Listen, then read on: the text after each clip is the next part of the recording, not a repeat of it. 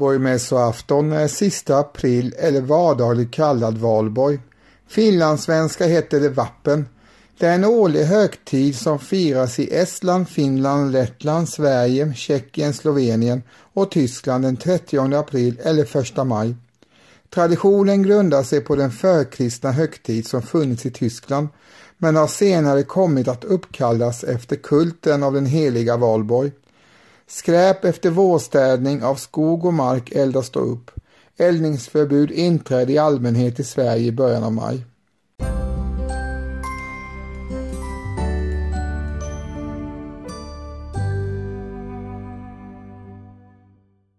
Heliga Valborg, ursprungligen hette hon Valpurgis, född omkring 710 och dog 779.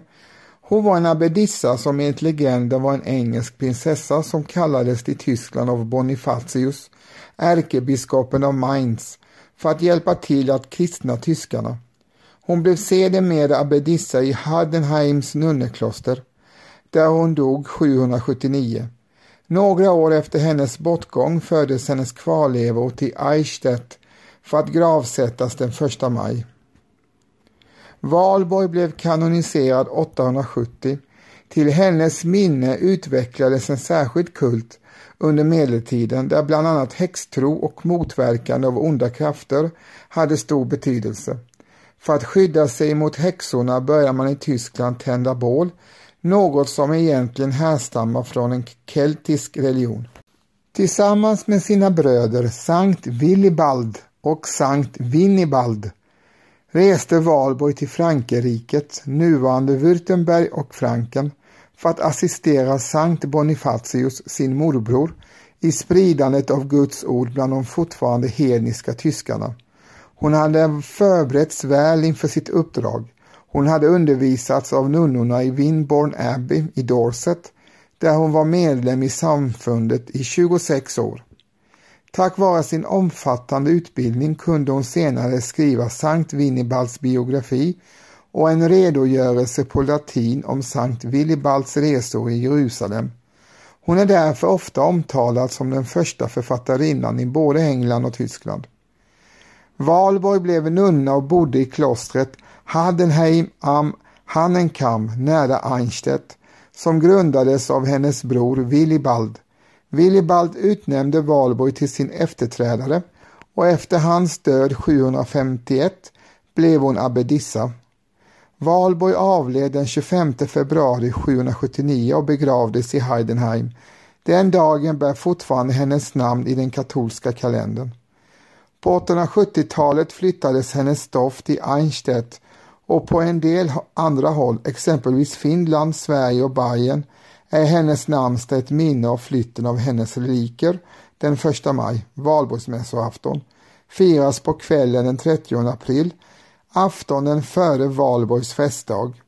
I Einstedt placerades hennes ben i en klippskreva. Det sades att det började rinna en mirakulös helande olja från skrevan, vilket drog pilgrimer till hennes gravplats från när och fjärran. De två tidigaste hagiografierna om Valborg är Miracula S. Valburgae Mannheimensis av författaren Wolfhard von Hareiden skriven 895-96 och Vita sekunda från den sena 900-talet som är förbunden med Asselbod, biskopen av Utrecht. I 1300-talsberättelsen om Vita S. Valburgae av Philip von Ratzhamhausen biskop av Einstedt 1360-22 är miraklet om en båt i storm för första gången återgiven. Detta mirakel målade Peter Paul Rubens 1610 för det nedmonterade altarskåpet för Sankta Valpurgis kyrka i Antwerpen. Den tidigaste avbildningen av Valborg i Hilta Codex från början av 1000-talet visar henne hållande i en stiliserande sädestrån. I andra bilder har detta objekt kallats en palmkvist, men det vore inte möjligt eftersom Valborg inte led martyrdöden. Sädesstrån har tolkats som att identifiera Valborg som en kristen beskyddare av säden. Valborg är skyddshelgon för dem som har smittade av rabies. Valborg är även skyddshelgon för städerna Einstedt, Antwerpen, Audendarde, Werne, Groningen och Schutpen och andra städer i och kring Nederländerna. Den katolska Church of St. Walburg i Preston i Lancashire i England är en mycket hög kyrkobyggnad tillägnad henne.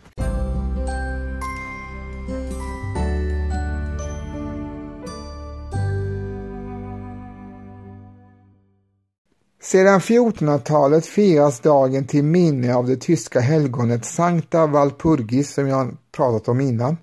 Valborg blev helgonförklarad den 1 maj som sedan firades som Valborgsmässan, Walpurgistag och genom denna omständighet eh, förbands hennes namn med de förkristna germanska vårfester hållna denna dag som av kristendomen stämplades som häxförsamlingar.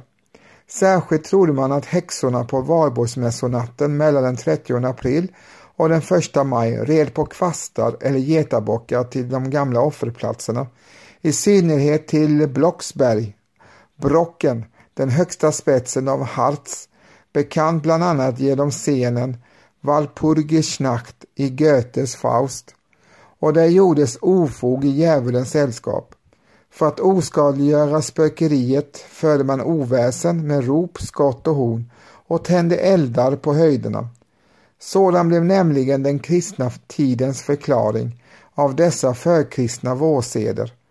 Valborgskulten som uppstod efter hennes död år 779 kom i hög grad att handla om skydd mot häxor och onda andar. Valborgsmässoafton motsvaras av den förkristna eh, Beltane bland kelterna och segerblot i förkristna Norden.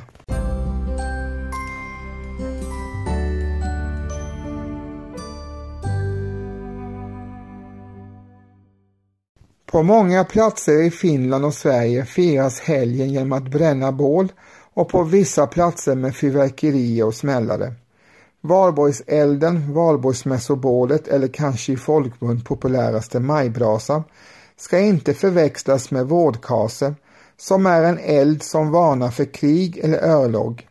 I förkristen tid firade man i Norden en äldre högtid som var kopplad till de döda. Gränsen mellan de levande och de döda ansågs vara svagast just under denna natt. De flesta svenskar firar valborgsmässoafton men förbinder inte firandet med heliga valborg. Valborgsfesten står oftare som symbol för vården och ljuset. Därigenom går firandet längre tillbaka i tiden än kristendomen, som när den vann utbredningen i Norden knöt an till de gamla festerna. Eldar tändes ursprungligen inte för att skrämma bort häxor utan för att bränna det gamla och ge plats för det nya. Att ge plats för det nya stämde också väl in i den kristna tolkningen av livet, där påskens tema från död till liv också symboliskt fick gestaltas i valborgselden. Seden att fira olika våreldar har därigenom botten i både kristen och tidigare tradition. När Sverige kristnades på eh, 1000-talet byggdes vissa av de kristna kyrkorna på den gamla religionens högtidsplatser och knöt också rumsligt an till den rådande högtiderna. Till exempel byggdes Gamla Uppsala kyrka direkt i anslutning till det tempel som man tror fanns där långt in på 1000-talet. I Sverige sammanfaller firandet med kung Karl XVI Gustavs födelsedag.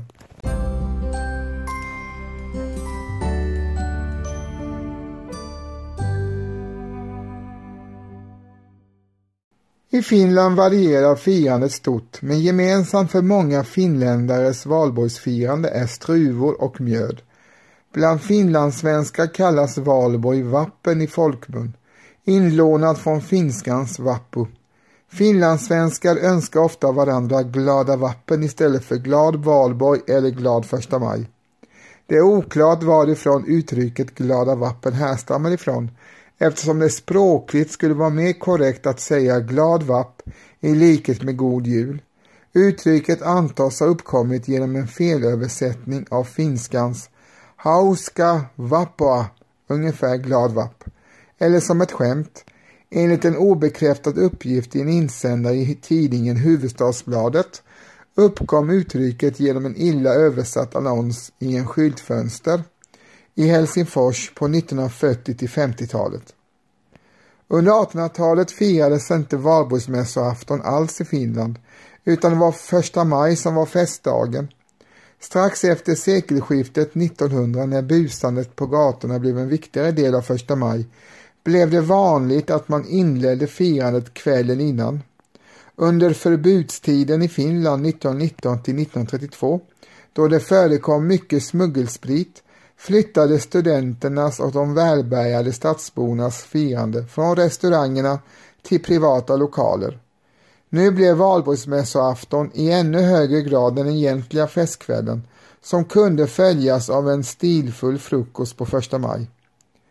På landsbygdsorter där det varken fanns arbetarklass eller studenttraditioner var valborgsmässoafton under 1900-talet den huvudsakliga festkvällen. Vid mitten av 1900-talet blev valborgsmässoafton en allmän danskväll på landsbygden som inledde sommardanssäsongen.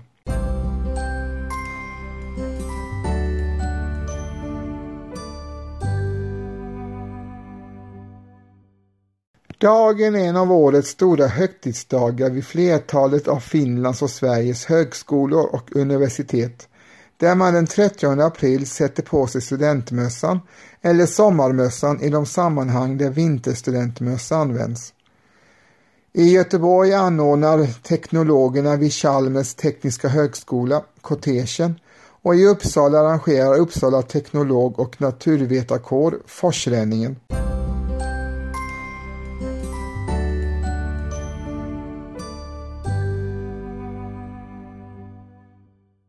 Ni har precis hört mig, Nicke Grozanowski, berätta lite grann om valborgsmässoafton, om dess ursprung och lite grann hur man firar. Ni har fått höra mig berätta lite grann om eh, heliga Valborg, den som dagen och kvällen är uppkallad efter. Eh, I avsnittets början så fick ni höra Sigtuna sångensemble framföra en liten bit hur vintern rasar ut i våra fjällar. Och eh, Lunds studentsångare avslutar det här poddavsnittet med Sköna maj. Det är ju två visor man sjunger med glädje på valborg för att eh, hälsa våren välkommen till våra bygder igen. Eh, min podd utkommer två gånger i veckan, onsdagar och lördagar med lite bonusavsnitt lite då och då, så håll utkik. Och med detta vill jag önska alla en trevlig valborg och eh, på återhörande. Tack för att ni lyssnade. Ha det gott och var rädda om er. Hej då!